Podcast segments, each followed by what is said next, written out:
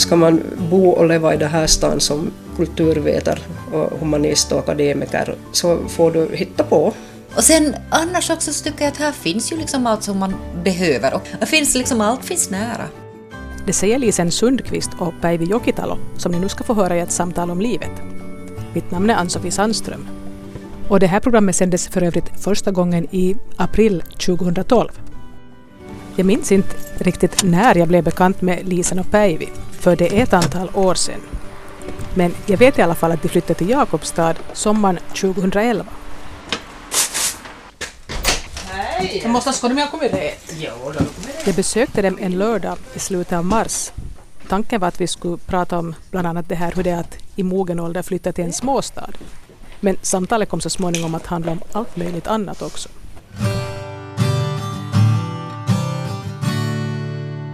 Heter Lisen Sundqvist, bor i Jakobstad igen efter 23 år i Åbo och Helsingfors. Jobbar som någon sorts frilansande allmän vederbörande på kulturområdet. För tillfället så jobbar jag som förlagsredaktör. Översätter lite och det här eh, bor mitt i stan. Trivs ganska bra. Får gå till After Eight på kaffe på eftermiddagen. Det är ganska skönt. Päivi Jokitalo heter jag och jag bor också här i mitt i stan i Jeppis och har hamnat här efter några år i Helsingfors, eller där har jag egentligen bott i tre olika omgångar. Före det så var jag sju år i Åbo, sen har jag också bott och jobbat i Joensuu och däremellan i England och studerat i Jyväskylä, Tammerfors. Jag har bott i alla delar av Finland förutom Lappland och det ska jag låta bli tror jag. Så för dig är det inte att ha flyttat tillbaka liksom? Nej, jag är egentligen hemma från mellersta Finland, Äänekoski. Som är- ändå är liksom liknar Jeppis på många sätt för det är lika stor eller liten med omkring 20 000 invånare och pappersfabrik så det luktar bekant här. När och var har då Lisen och Päivi träffats? I Åbo började nog 2000-talet måste ju vara 2001 tror jag. ja. Så det här rå- råkades vi via gemensamma bekanta och så har vi väl hängt ihop sen, sen här ungefär 10-11 år. ja, så är det. Det är alltså ett knappt år sedan Lisen och Päivi flyttade från Helsingfors till Jakobstad. Och eftersom jag själv har flyttat tillbaka till Österbotten med en nyländsk man för 15 år sedan och han flera gånger fick höra att ”Hur hamnar du hit?” så måste jag väl börja med att fråga då ”Hur hamnar ni i Jakobstad?” För folk tycks ju tro att om man en gång har bosatt sig i Helsingfors så då har man kommit till paradiset på jorden och därifrån vill man förstås inte flytta. Vi trivdes ju bra i Helsingfors i- i och för sig, och före det Åbo. Men nu måste jag säga att jag är skyldig här, för det är på grund av mina val när det gäller arbetslivet som har betytt att vi har flyttat först från Åbo till Helsingfors och sen från Helsingfors hit. För- det var du som fick jobb i Helsingfors då, Ja, jag jobbade på Länsstyrelsen i Åbo i, i 20 år som riktig byråkrat och hade hand om biblioteksärenden inom statsförvaltningen där och sen började jag jobba på Nationalbiblioteket och jag var där i fyra år. Men sen tänkte jag att jag, egentligen det som jag tycker om att göra är att prata och skriva. och hur skulle jag kunna göra det? Så jag sa faktiskt upp mig från Nationalbiblioteket och jag är en frilansande bibliotekarie. Men sa du upp dig förrän du visste att du hade någonting annat? Ja. Så där, du sa upp dig jag först hade och sen... lite planerat det nog, att jag visste nu ganska tidigt, nästan ett år i förväg, så jag började lite planera vad jag skulle kunna göra. Och sen på den tiden så hade jag blivit vald som ansvarig redaktör i Kirjastolehti. Så jag hade en deltids, ett deltidsjobb då och jag har sagt upp mig från det och sen dess, när, det, när jag nu ens började. Ja, vi är bra på att se ihop Ja, oss. ja, ja, det har lärt mig. Och du sa upp dig då? Nej, äh, jag sa inte upp mig. Jag hade ett, ett tidsbundet jobb som tog slut i december så att det här jag fick jobb på distans och det är klart om man jobbar med att redigera böcker så kan man, man, man måste inte sitta i Kronohagen. Man kan sitta på Storgatan i Jakobstad. Så jag har alltid det att ja, men jag, om jag får något jobb någonstans så kommer jag med. Att det är liksom helt okej. Men jag, Du har farit vart som helst? Jo, jag, men jag, jag, jag, såg, jag såg ju liksom Europa framför mig. Jag såg ju liksom, jag såg ju Haag eller Berlin eller något av det ena. Jag tänkte att, eller Manchester och sådär här. Så jag hade kanske inte i första hand trodde att jag skulle hamna hit tillbaka men att gjort är gjort. Så jag menar, jag sitter ju och hjälps sig. Nej, men det, resonemanget var ju att inte kan vi ha liksom en så stor bostadslån i Hesa om vi frilansar båda två. Att man kan ju inte veta liksom... Så grejen var att ni ville båda två byta arbetssituation, ni ville börja frilansa Ja. istället för att ha något fast, Ja. mera fast. Och det var meningen att vi skulle downshifta, vilket det inte egentligen... Det har inte hänt ännu, men vi jobbar på det. Ja, det var snarare bara liksom där förra hösten så jobbade vi som djur. Ja. det var liksom, ja, det vart inte som planerat men att det här nu tror jag börjar se lite aningen bättre ut nu. Hur bodde då Lisan och Päivi i Helsingfors? Nej, alltså, Hälften mindre än det här. vi köpte en bo, alltså gratis att bo på hyra i Helsingfors, eller kom jag kom vi fram till ganska snabbt och, och det här vi, vi bodde ganska, vi bodde i Töle och vi bodde helt trevligt på det här, vi hade hyrt en lägenhet men så ekonomiskt sinne som jag mm, konstaterade i något skede att vi lika bra kan satsa de här pengarna på att köpa en lägenhet för att sannolikheten att bostadspriserna går ner brutalt snabbt i Helsingfors är ju inte så stor så att så vi köpte en lägenhet och bodde två år i det här vår, vår egen lägenhet som vi sålde när vi flyttade hit. Så, och det visade sig att det funkar helt bra för att priserna hann gå upp på det här två åren. Så att då bodde vi där och så kom vi på att man ska frilansa eller jobba mindre så vill man inte ha något mycket av det sexsiffriga belopp som man är skyldig banken direkt. Inte. Så Nej, för du brukar väl ha tillbaka den? Med det, viss regelbundenhet vill vi ja, ha. det, det, ja, av Det någon, an, av någon Ja. anledning. Ja, så att det här. Ja, så kom Päivi på att ja, men, till Jakobstad kan man bo billigare. Och det kan man ju Ja. definitivt. Så det här. Päivi ser jätteglad ut, ja. så det är lätt tveksam ut. jo, nej men nog, ja. Jag trivs. Bor vi billigt, jag trivs och jag menar jag har ju provat på att bo trots allt, jag är Ja. 21 år för er så det här. Och vi har ju liksom, den här lägenheten är dubbelt så stor som vi hade i Helsingfors och det är liksom centralt. Mm. Och man kan lätt ta sig till Helsingfors i fyra timmar och med tåg och inte, inte har det varit något svårt. Nu, just nu så jobbar jag som, eh, på deltid som projektledare på ett biblioteksprojekt då vi ordnar utbildningar landet runt nu på våren. Egentligen så jobbar jag på det här yrkeshögskolan i Seinäjoki.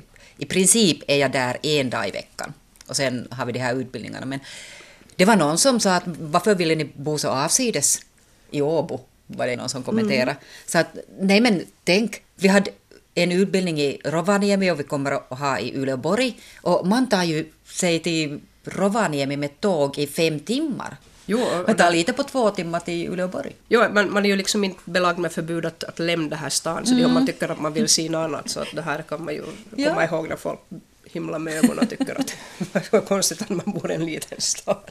En minut till busshållplatsen och sen slipper man väldigt behändigt till Benne. Så. Så till och med utan bilen, det är ganska... Ja. Det- Jag kommer ihåg bara när jag var till Bibban och pratade på, på ett seminarium innan vi flyttade hit. Och sen berättade jag att vi hade köpt lägenhet här. Så var det någon som frågade, ja men ni har säkert bil för ni har ju så långt till Prisma. What? Jag tror det tar sju minuter, sju, åtta minuter att gå till Ja, Prisma. men så det- Med Jakobstads mått är hela långt. Jo, Nej, alltså jag, jag har nog spärrat emot med det här. Jag har inte varit bilägare sedan 1998, då bodde jag i Åbo och det här bodde mitt i stan. Och jag kommer liksom inte ens ihåg att jag hade en bil. Man såg ut genom köksfönstret såg man att det stod en bil ner på parkeringen och, och det här. Sen en, en vår när, när det hade regnat mycket var hemskt fuktigt och jag öppnade den här bildörren och upptäckte att det växte en massa små fina svampar, alltså riktiga svampar, några skivlingar som hade börjat gro i min Opel Kadett så kom jag fram till att jag ska inte ha någon bil. Så sålde jag bort bilen. Ja, men hände började växa svampar mm. Jag säger någonting om hur pass ofta man använder bil. Så att vi har jobb och så det här. Och så, så, Två stycken. Som vi, ja, så får man promenera och så antastar vi våra vänner och lånar en transit om Ja. vi har något större som vi ska ha, ha Vi skulle för. egentligen gärna vilja dela med någon om det är någon som skulle vilja ha bil men inte liksom äga hela bilen. Ja. Så. Men Ja, det skulle vi- vara jättesmart att man, man har tillgång till det vid Ja. behov, att man inte måste ha... Det är alltså mycket oösterbottnisk tanke för, att- för att den här plåtkorn är ju nog liksom åtminstone den österbottniske mannens käraste ägodel men, men att någon typ av bilpool att man skulle vara ett gäng på en par, tre, fyra stycken. Men det jag kommer från en familj där vi aldrig någonsin har haft bil. Mina föräldrar har inte körkort. Och när jag var liten så bodde vi fem, sex kilometer från stan i Äänekoski. Och det var bara peda överallt. Jag kommer ihåg att vi var till biblioteket varje vecka med mamma och inte var det något problem att vara utan bil. Så jag har vuxit upp med det. Inte har jag saknat en, en bil egentligen. Jag har körkort men inte har jag kört heller på mer än 30 år. Kanske. Ja, men Päivis-familjen måste faktiskt säga att någonting så ovanligt som en donarfamilj i mellersta Finland som saknar bil. Och det finns en kar i familjen och de saknar...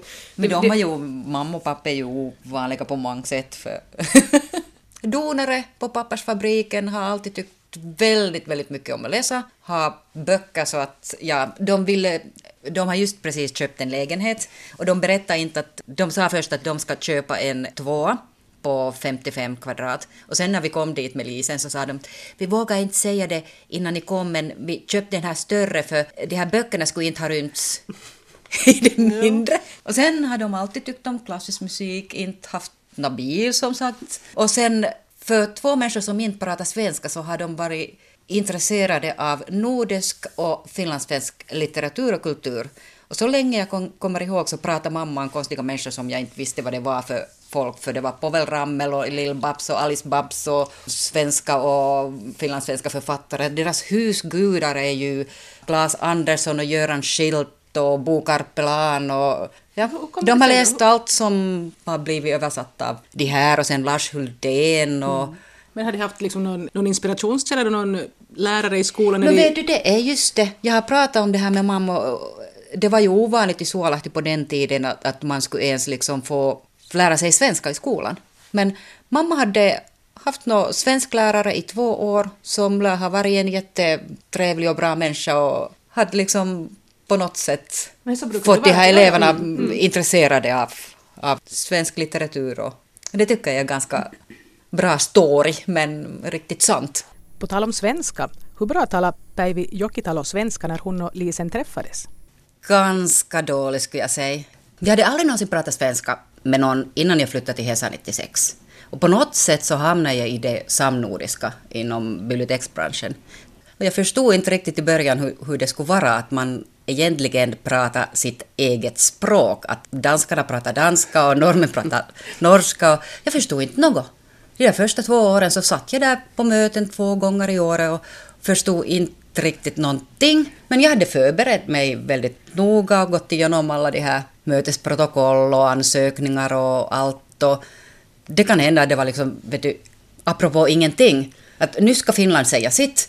För jag förstod inte vad man diskuterade. Det kan hända att de pratar något helt annat och sen ville jag bara berätta liksom vad Finland tänker om de här ansökningarna. Men du överlevde och klarade Jag överlevde och jag är jätteglad att jag stod ut och liksom vågade ändå vara med fast det kändes väldigt, väldigt pinsamt ibland. Så det kändes ganska lätt sen när jag flyttade till Åbo och började prata svenska med där för jag hade ganska många svenskspråkiga vänner och jag var jätteenvis. Jag ville liksom lära mig. För jag, jag har alltid tyckt om språk och jag tyckte om svenskan i skolan och skrev laudator i fem språk. Fast inte kunde jag prata liksom något av dem sen.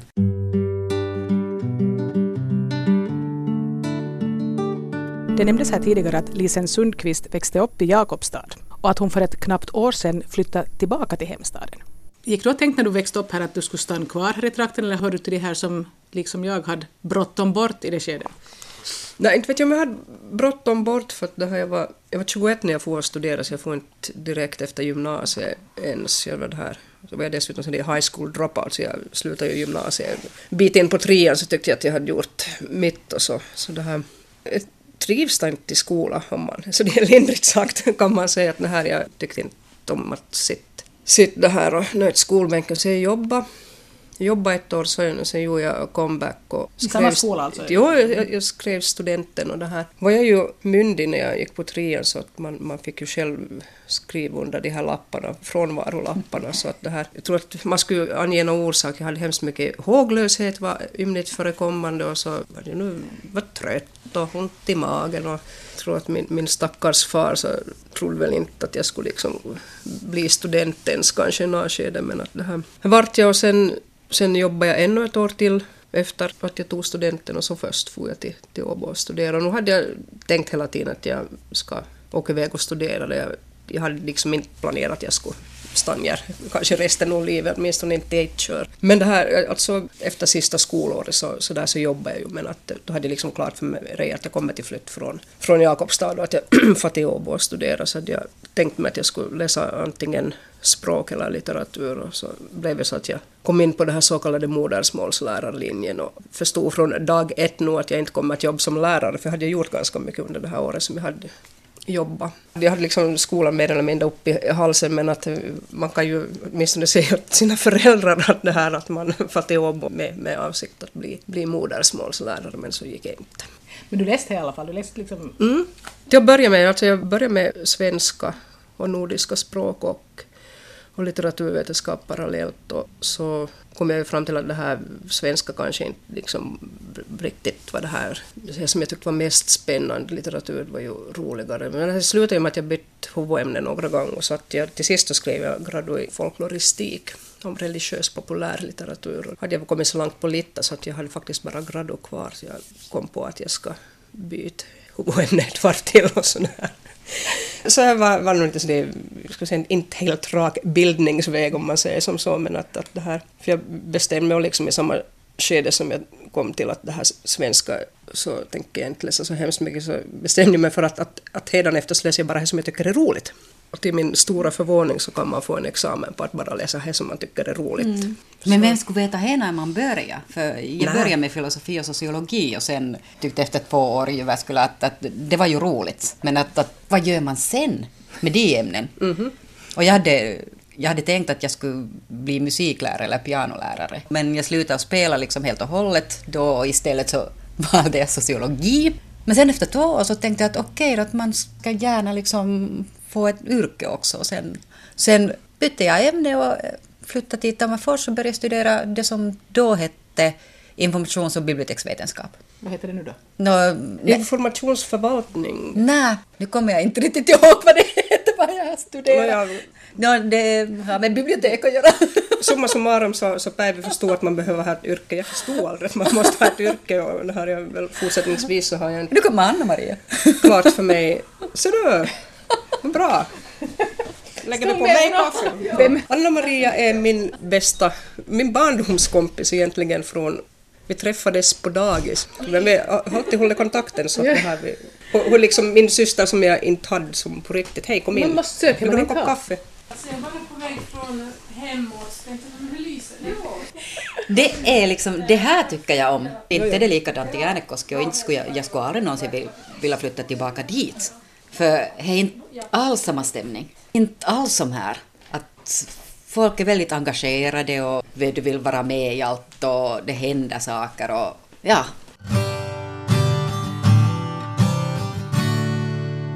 Päivi nämnde här tidigare att hon i något skede hade funderat på att bli musiklärare. Jag spelade piano och cello. Jag hade egentligen pianoelever när jag var i gymnasiet och tyckte jättemycket om det. Och det verkade liksom min pianolärare tycka att jag skulle fortsätta och alla väntar på det. Men jag var inte riktigt säker. Jag började ganska sent. Jag vet att jag var säkert liksom helt okej okay och skulle ha varit säkert en helt okej okay pianolärare. Men jag var för osäker egentligen i musiken. Och då valde jag liksom sociologin som sagt. Och lite ångrar jag mig sen efteråt och jag kunde inte ens lyssna på pianomusik på flera år. Inte alls. Och det är först några år sedan jag köpte ett piano. Nu spelar du igen då? Nå lite, men det är svårt för man kan ju inte liksom börja där man slutar. Man måste gå lite tillbaka i tiden. Jag gick ju faktiskt på musikinstitutet och var pianoelev antagligen en av de lataste i musikinstitutets historia för att jag tyckte inte om att öva. Alltså jag var hemskt intresserad av musik och lyssnade mycket. Och, alltså det, men, men det, här, det här med att lära sig att läsa noter så tyckte jag var erbarmligt tråkigt så att jag gav upp ganska snart. Men sen dess har jag nog spelat både Heino och annat och sjungit i band. Och för tillfället så spelar jag faktiskt bas i ett garageband med två killar som Kim och Sami. Och det här vi övar då en gång i veckan i snitt ett par timmar och vi har riktigt roligt. Vad var den här höjdpunkten i din musikaliska karriär då? Ja, vet, vi, vet vi inte om vi har sett nej, Skivorna. Ja, jag, jag sjöng ett band som hette Plum. Vi höll väl på mellan, vad ska jag säga, 93, 94 till 2002 ungefär. Vi spelade nog ganska mycket och, runt och, och så gjorde vi tre skivor faktiskt. Och det här och vi, vi tänkte ju liksom att, att om man med hjälp av musik får något annat än Österbotten så är det kanske värt besväret. Så att det här vi, vi var och spelade i Frankrike en vända 96 och så var vi 1997 så var vi i USA och spelade på någonting som heter South by Southwest, en konferens i Austin i Texas. Så, det här. så vi fick se lite annat än ge på SE. Så det här Jag hoppas att ni gör comeback för jag hann inte se en enda keikka Var du före din tid? precis före. Ja. Ja, när vi, vi hade en sista spelning i Kristinestad som det här på Motell Kristina, en skolavslutning och så. Eh, vi var ju inte liksom så det är jätteung när vi började heller. Jag var, jag var näst yngst och jag började närma mig 30 så att jag menar, vi var nog så det är mellan 30-40-åringar så vi var liksom inte kanske det här unga hungriga rockbandet som skulle framåt utan var med så det gamla bedagade cyniker som trivs i källarutrymmen och inte behöver så mycket dagsljus mellan varmen. Men det var roligt så länge det varade. Och Man ger ut en skiva i Sverige, en skiva Då- som får bra recensioner, sen slutar man. Ja, men he, så, ska, så ska man göra. Liksom det där rockens ABC. Ja. Nu måste jag säga innan jag kommer ihåg. Madrigalen. Jag är så glad för att hitta tillbaka till musiken. Jag har börjat sjunga Madrigalen och det är det roligaste jag gjort på flera år. Jag spelar i garageband och sjunger, sjunger i, i damkör. Så ja. här, Vad heter ni? jag vet inte om vi har något namn heller. Vi, jag tror vi, vi kallar oss för Cheeky Bastards. Tyckte att det passade bra i Österbotten. Jag skulle säga att det är tre ackordsrock men heter det nio ackords hårdrock. Och jag är ju nog antagligen norra hemisfärens sämsta basist också. Vi har låtit Mehdi spela sig med. Roligt, är det? Ser du, jag har köpt skidor för första gången på 20 år. Och jag har varit en gång och skidat vid Jaros övningsfält. I skydd av mörkret kan I skydd av mörkret. En kilometer kanske. Ja, Nej, men hem, hem början. Har du? Nej, alltså skidrasig så gav jag upp 85 kanske. Jag tror inte att jag har rört ett par flaggarskidor, men jag, jag springer. Helst på barmark. Så jag, jag är inte vintersportare, inte, men det här, jag springer rödmosig runt här på stadens gator, så det är några gånger i veckan. Men du började först, var det i fjol eller? I fjol eller? våras, ja.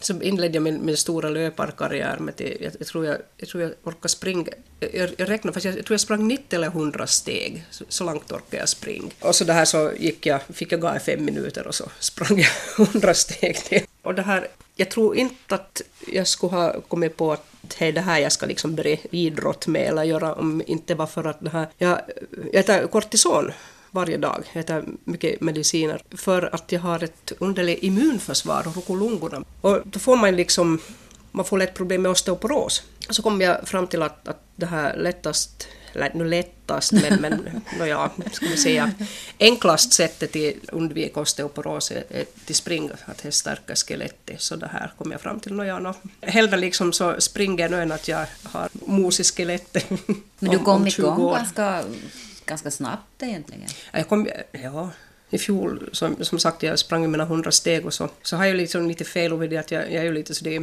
Envis. no, dels envis och lite så det är en tävlingsmänniska. Ja, Jo. okej. Så det här så att, jag, så att jag skulle springa mer och mer och mer och mer så att jag, sprang jag en, en och en halv månad, då sprang jag tio kilometer, men då brakade knä. så då sprang jag innan på två månader. Så att det här, så här var ju inte heller så det fullt klokt. Så nu försöker jag att inte springa så det är grömt och långt och hela tiden. Alltså vad ålder var du till du började springa? 43. Och du började gå på gym, vilket du inte hade gjort tidigare egentligen. Jag hade varit ganska mycket sjuk och som sagt det är mycket kortison så, så det här från här att vi flyttade från Åbo till Helsingfors hade jag gått upp 14 kilo och så där så skulle vi flytta tid så tänkte jag att det här, så det här 14 kilona så skulle jag lämna Helsingfors. Det får, får lämna tid så insåg jag att man måste göra någonting och att det hjälps liksom inte.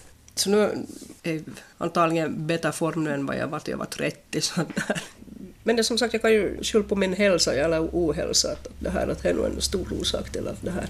För att jag var 2009 så, det här, så var jag ordentligt sjuk. Jag tappade, jag hade ungefär 35 procent av lungkapaciteten kvar.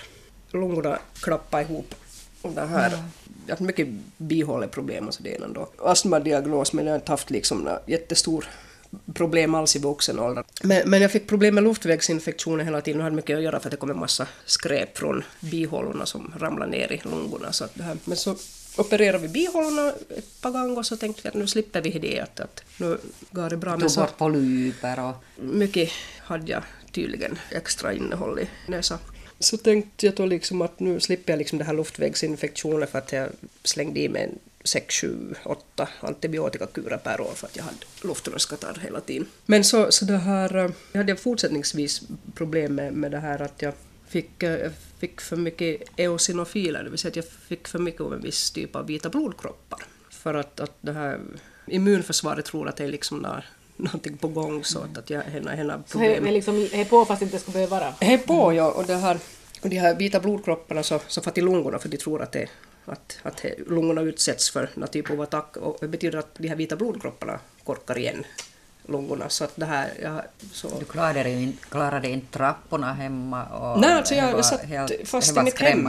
Jag kunde gå ut så att jag var sjukskriven må, månatal och så enda som funkade att jag åt väldiga mängder kortison och så var jag bra två veckor så märkte jag att kommer det tillbaka så efter en dryg månad så var jag igen liksom ner så att jag tappade all lungkapacitet och summa summarum är att att jag måste äta kortison hela tiden för att jag håller ner det här blodvärdet eller de här vita blodkropparna och det funkar. funkar nå så när. Jag behöver inte äta så stora mängder men att direkt jag slutar, slutar ta kortison så, så går värdet upp. Så att det här, så att det här ja, man, Det man, springer, man springer typ en del kilometer när man inte har kommit fot om fot liksom två år tidigare. Jag kommer ihåg att jag kunde gå första gången till, kom till spårvagnshållplatsen som fanns 50 meter från ytterdörren till jag kom, så jag kom så långt så att, nu, att jag kunde ta mig tid. Då hade jag blivit hem i Vikutari. Det var skrämmande när man inte riktigt visste vad det liksom handlade om. Alltså då räknade just det här hösten 2009 till jag var som sjuk. Alltså, jag, jag tror jag hade, jag hade mellan 10 och 12 olika mediciner som jag tyngde i mig för att man provar med lite allt möjligt. Och de sa att om inte mitt kortisoner funkar så får man köra med någon typ av cellgift. Att det är liksom det är nästa. Så jag menar, det är ganska heavy grejer. Så här, nog bara nöjd, nöjd och glad över att, Du, vill- kan- du ville att springa lite för att kanske motverka då de här biverkningarna. Jo, jag, jag springer nog idag. är. Och det här 2009 så var det här svininfluensa på gång, så jag, jag insåg liksom att får jag influensa så dör jag. Det finns inte en chans liksom att jag klarar mig, så att jag hade ju en jo- jobbkompis som, som fick influensa var, och var jättedålig. Så att jag konstaterade att jag, nu sitter jag helt lugnt i hem och så funderar vi inte, inte något desto mer. Så långt hände det ju komma för att jag var ju jag var väl sjukskriven kanske en fyra, fem månader sammanlagt och två, tre månader på raken till det på hösten. Så kom jag fram till att om man får en ordning på det här så tänkte jag okej, liksom att, att i så fall så måste jag bli sjukpensionär. Att he, och det var liksom det här bra scenariot liksom att, att jag måste förbereda mig på det för att inte, inte, jag kan ju inte leva ett normalt liv, jag kan ju inte liksom röra mig ut bland folk och jag kan inte ta mig fram. Inte, att det, jag är liksom bara att titta skeden i vacker hand så att det här det var nog, var nog tufft. Men sen så hittade de någon sorts lösning på att Mycket kortison bara, och mycket under ganska lång perioder och han liksom att man, man fick börja trappa ner helt enkelt och se liksom vad, vad det här lägsta dosen är som, som gör att det hals, nas och när så det är något att inte, att inte börjar ploppa upp de här blodvärdena. Så att det här funkar nu i ett par års tid så att det här, jag har inte haft egentligen något nå stort problem men att det går liksom inte att lämna bort. Men att då vet vi hem. Tack och lov så glömmer man bort hur svårt det var. För det var jättetungt den där hösten. Man var lite rädd hela, hela tiden. Jag ville inte bli sjuk så att in, inte hon skulle få någon flunsa eller, eller något. Ja. Man ville inte ens tänka liksom, den tanken att vad skulle hända om, om man inte liksom hittar någon lösning på det. Det var tungt. Jo, så det här, jag, han, jag varvade fyra lungläkare på fyra månader och det här, de skickade mig vidare och vidare och vidare för att det var någon som ville liksom ha att göra med mig för att det var som så. De visste inte vad de skulle göra ens så det här, det var nog så det tämligen Och man, man hade ju liksom i 40 år tänkt att du har astma. Ja. Svår astma. Man kan se som så att, att jag har en form av astma som kanske en procent av alla astmatiker har eller så, så har jag någonting annat. E- Eosinofil pneumoni kallar man det för, det vill säga att det funkar som det funkar som en lunginflammation men att man har inte en inflammation, att man har inte liksom infektionsvärdet stiger inte men korkar, korkar igen allting. Ja. Nu tar vi avhandla krämporna. Vad, vad är Vad ska jag ta dem nu då? Jag har lite sjuk vänstertån, det här stortån i jag bara sprang. Jag tänkte vi skulle prata lite mer om det här med att flytta från Helsingfors till en småstad. För det var för ett knappt år sedan som Lisen Sundqvist och Päivi Jokitalo flyttade till Jakobstad. Så hur var det då i början? Det kändes först som om man skulle ha kommit hit på semester, vilket vi brukar göra varje år.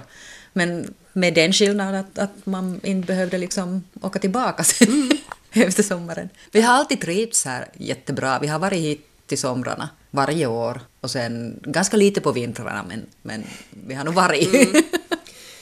Jo, alltså, vi, vi flyttade ju i början av juni och sommaren gick ju Fort. fort och, och framförallt juli för att det funkar tydligen på det sättet att alla de här människorna som brukar säga att, vi kommer att hälsa på, så kommer att hälsa på. Ja. Vilket Vi aldrig, aldrig, liksom, aldrig har hänt. Jag, jag tror jag räknade ut att, att vi i juli, var ju tur att, att man hade semester, jag tror att vi hade, vi hade 78 gäster och Ja, vi hade 13 som, 13 som övernattade. Som övernattade och, Ja. och folk kom och gick och det var, det var hemskt trevligt. Så man hade liksom inte några sysselsättningsproblem överhuvudtaget. Och det här. Jätteroligt och sen så, så var det bara att lägga igång och arbeta för att Ja. vi hade, jag hade ett par böcker som skulle vara färdiga till Helsingfors bokmässa så att det var bara liksom till att lägga igång och, och jobb så det, det här får liksom första halvår höst eller ganska Du har inte känna efter hur det var att bo i Jakobstad egentligen? Nej, det var liksom man ska kunna sitta i en grubbo i skogen lika bra liksom. Och man jobbar liksom 10, 11, 12 timmar i dygnet. Så det är inte så Ja, vi satt här i varsin hörn och blev lite skrämd ibland när man märkte att aj, du är ju här.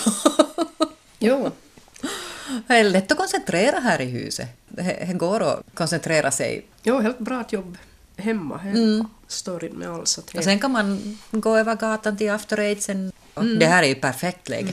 Jo, så att jag brukar få till After Eight och jobb lite, eller så får jag till Bibban. Om man tycker att man behöver ha miljöombyte så är det helt perfekt att det här. Man kan röra på sig och sina folk. Mm. Det är ju alltid bra. Fast jag brukar ju vara... Jo, jo men du räknas inte. Jag ser ju det hela tiden. Några andra folk. Ja. Riktigt folk. Riktigt folk. se. Nå, på tal om folk, Jo, alltså vi tyckte i, i somras alltid när vi var var ute och promenerade och var varmt och skönt så man gick runt i t-shirt att folk stirrade hemskt mycket. De kom köra och, och bil och det var någon tant som höll på att köra en lyktstolpe. Jag insåg liksom efter ett tag att det beror på att vi har ganska mycket tatueringar. Att, Ja. här, att medelålders kvinnor har inte fullt lika mycket tatueringar som Och jag har. som trodde att folk tyckte att jag var så jättetrevlig och det var hur roligt det var att träffa nya människor. Som, folk som hälsade på mig på stan fast jag hade varit i butiken en gång eller, eller vad det nu sen var. Och sen kom jag på att ja, just det. Det är den här tro, hopp och kärlek tatueringen som de kommer ihåg och inte liksom bara mig själv sådär annars. tyder nog på en stor kärlek till Jakobstad det här. Nå, jo, vet du det min första tatuering från fyra, fem år tillbaka. Jo, och det, här- det här kom ju till innan vi kom på Jo, den jo. briljanta idén att vi skulle flytta till Precis, det Jakobstad, visste så vi det inte här- då alls. Men jag ville ha en bild som skulle betyda någonting, att det har riktigt betydelse, Mm. den, den här första. Så ni kom på att det var därför som folk stirrade? Mm, så vi- med sommarlinnen och tyngsta tyget? Jo, jo, det här Inte in bara för att vi var så snygga. Nej, vi trodde att att det här att nu stirrar folk beundrande på våra vackra kroppar som vi ju på gatorna men att det var nog inte Jo, fullt så nej. roligt. Inte, nej. Nej. Ja, jag var lite besviken sen när jag kom på att det inte var bara liksom Mm. mitt trevliga jag som gjorde att folk kom ihåg mig. Mm. Jo, men det som har varit märkt liksom och väcker en del funderingar, alltså uppmärksamhet att, att, vi, har, att vi har så underligt jobb. ja. Att vi har inte det vanliga arbetet inte. Nej, ni går inte klockor halv åtta eller sju någonstans utan Jo, nej. Nej. Eller sen om, om jag liksom far någonstans så är det klockan fem på morgonen. Ja, ja men, men, men just liksom det här att vara någon sorts frilansande, att Ja. det är konstigt. Att, så det så att, För jag, jag håller på att skriva och undervisa och översätta lite. Nej, men jag, jag brukar säga att jag är sån där kulturjon. Att jag har jobbat mycket med, alltså inom, får man väl säga, kulturbranschen. Man kan ju säga att man har en ganska brokig arbetserfarenhet, men man har ju nog lärt sig otroligt mycket. Jag Mm. jobbar som statlig tjänsteman, jag jobbar som kommunal tjänsteman, jag har jobbat inom organisationer och jag har liksom gjort allt utom till starta gatuhörn och spela ukulele ungefär. Men, men det här, det händer, Händer jag ännu. Men nu, är du liksom, nu har du egen firma nu som du Nu säljer, du säljer dina tjänster som... Ja. Vad allt gör firman? Har du liksom allt från... Ja, det är väl nog allt från Inom kultur. uk- ukulelespel. Nej, men he, he, ja, alltså är nog allt är nog från redigeringsjobb till översättningar till att producera evenemang och utbildningar vid behov. Alltså allt sånt som jag har gjort tidigare. Att när jag flyttade hit så tänkte jag att jag måste jag måste hitta på någonting att göra som har någon anknytning till, till stället för att jag menar jag jobbar ju fortsättningsvis för, för det här svenska litteratursällskapet på hösten och, och det här att redigera böcker. Men jag tänkte jag måste ha liksom något nu. Så jag, jag sökte pengar och så tänkte jag men jag har en skrivarkurs på After Eight att det får man säkert göra om man får lösna pengar. Så det gjorde jag på hösten så det har nog tyckt att det, det ska vi prova på. Och det var, Ja. det var jätteroligt och det funkar, funkar jättebra. Att det var nog så det one-off-grej men att vi har bara lite- liksom för att ja, komma, vi komma in för att komma in liksom och, och, och göra någonting. Och, så det är så att, så att After Eight är på det sättet liksom jag sitter med i en arbetsgrupp som heter Kulturkvarteret Södermalm. Är det här en? Hej det här som vi finns och jag finns ju museet, Vi så finns. Kulturbyrån och After Eight och det här finns en massa människor som, som det här sysslar med, med olika saker. Vi försöker liksom knyta ihop det på något sätt och få lite liv i det här kvarteret. Här, faktiskt jämfört med man har ju suttit med diverse arbetsgrupper sina dagar och försökt starta upp både det ena och det andra projektväg och som jag konstaterat under mina år i Åbo och Helsingfors att man satt på de här mötena och folk tyckte att ja, att bra idé att, att det här men att, att, att vi har som, så begränsade resurser att vi måste, vi måste satsa på den här egna verksamheten.